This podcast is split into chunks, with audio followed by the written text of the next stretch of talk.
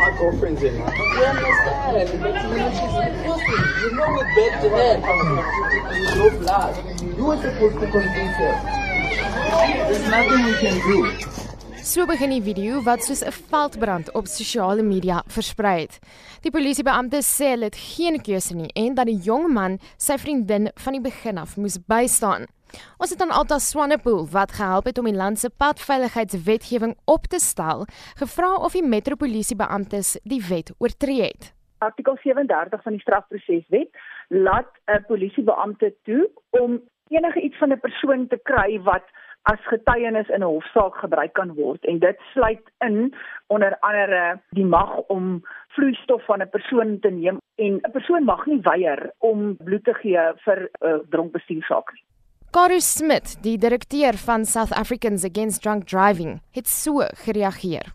Well done to the police for getting the blood from this woman because what people need to know drunk driving is a criminal offense that is causing the most unbelievable harm, death, destruction, and carnage on our roads that needs to be taken extremely seriously.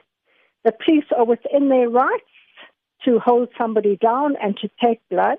Obviously, it was distressing to hear the woman scream and shout like that.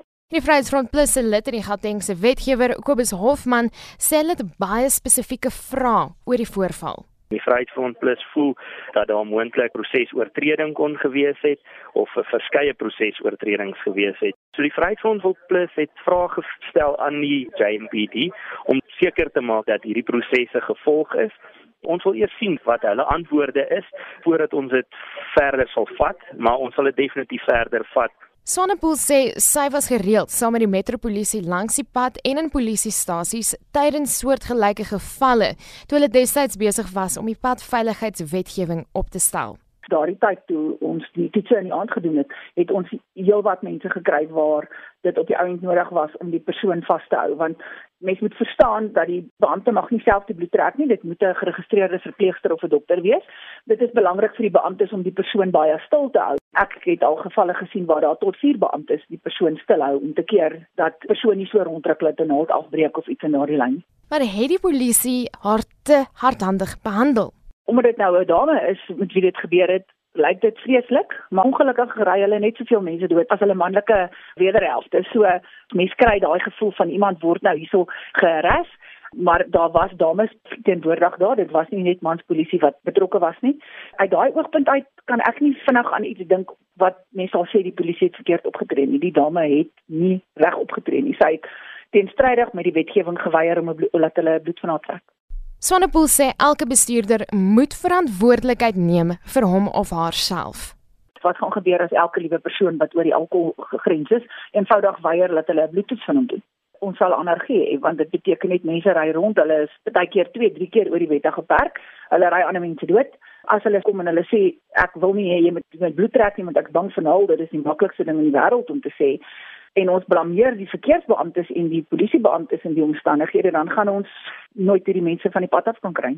Die bloedtoetse word as bewyse gebruik in hofsaake.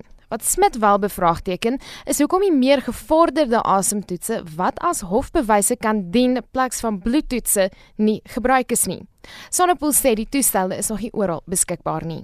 Sy ontken egter nie dat die vrou se ervaring soos baie voor haar traumaties was nie ek het in die aande al by die polisiestasie gesit 3 uur in die môre as hulle hierdie meisietjies daar inbring.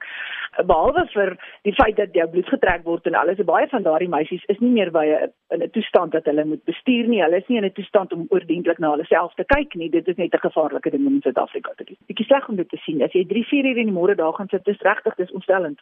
Dit was Alta Swanepoel, 'n privaat konsultant wat spesialiseer in padvervoer en veiligheid. Johannesburg se burgemeester, Herman Mashaba, sê die saak word ondersoek.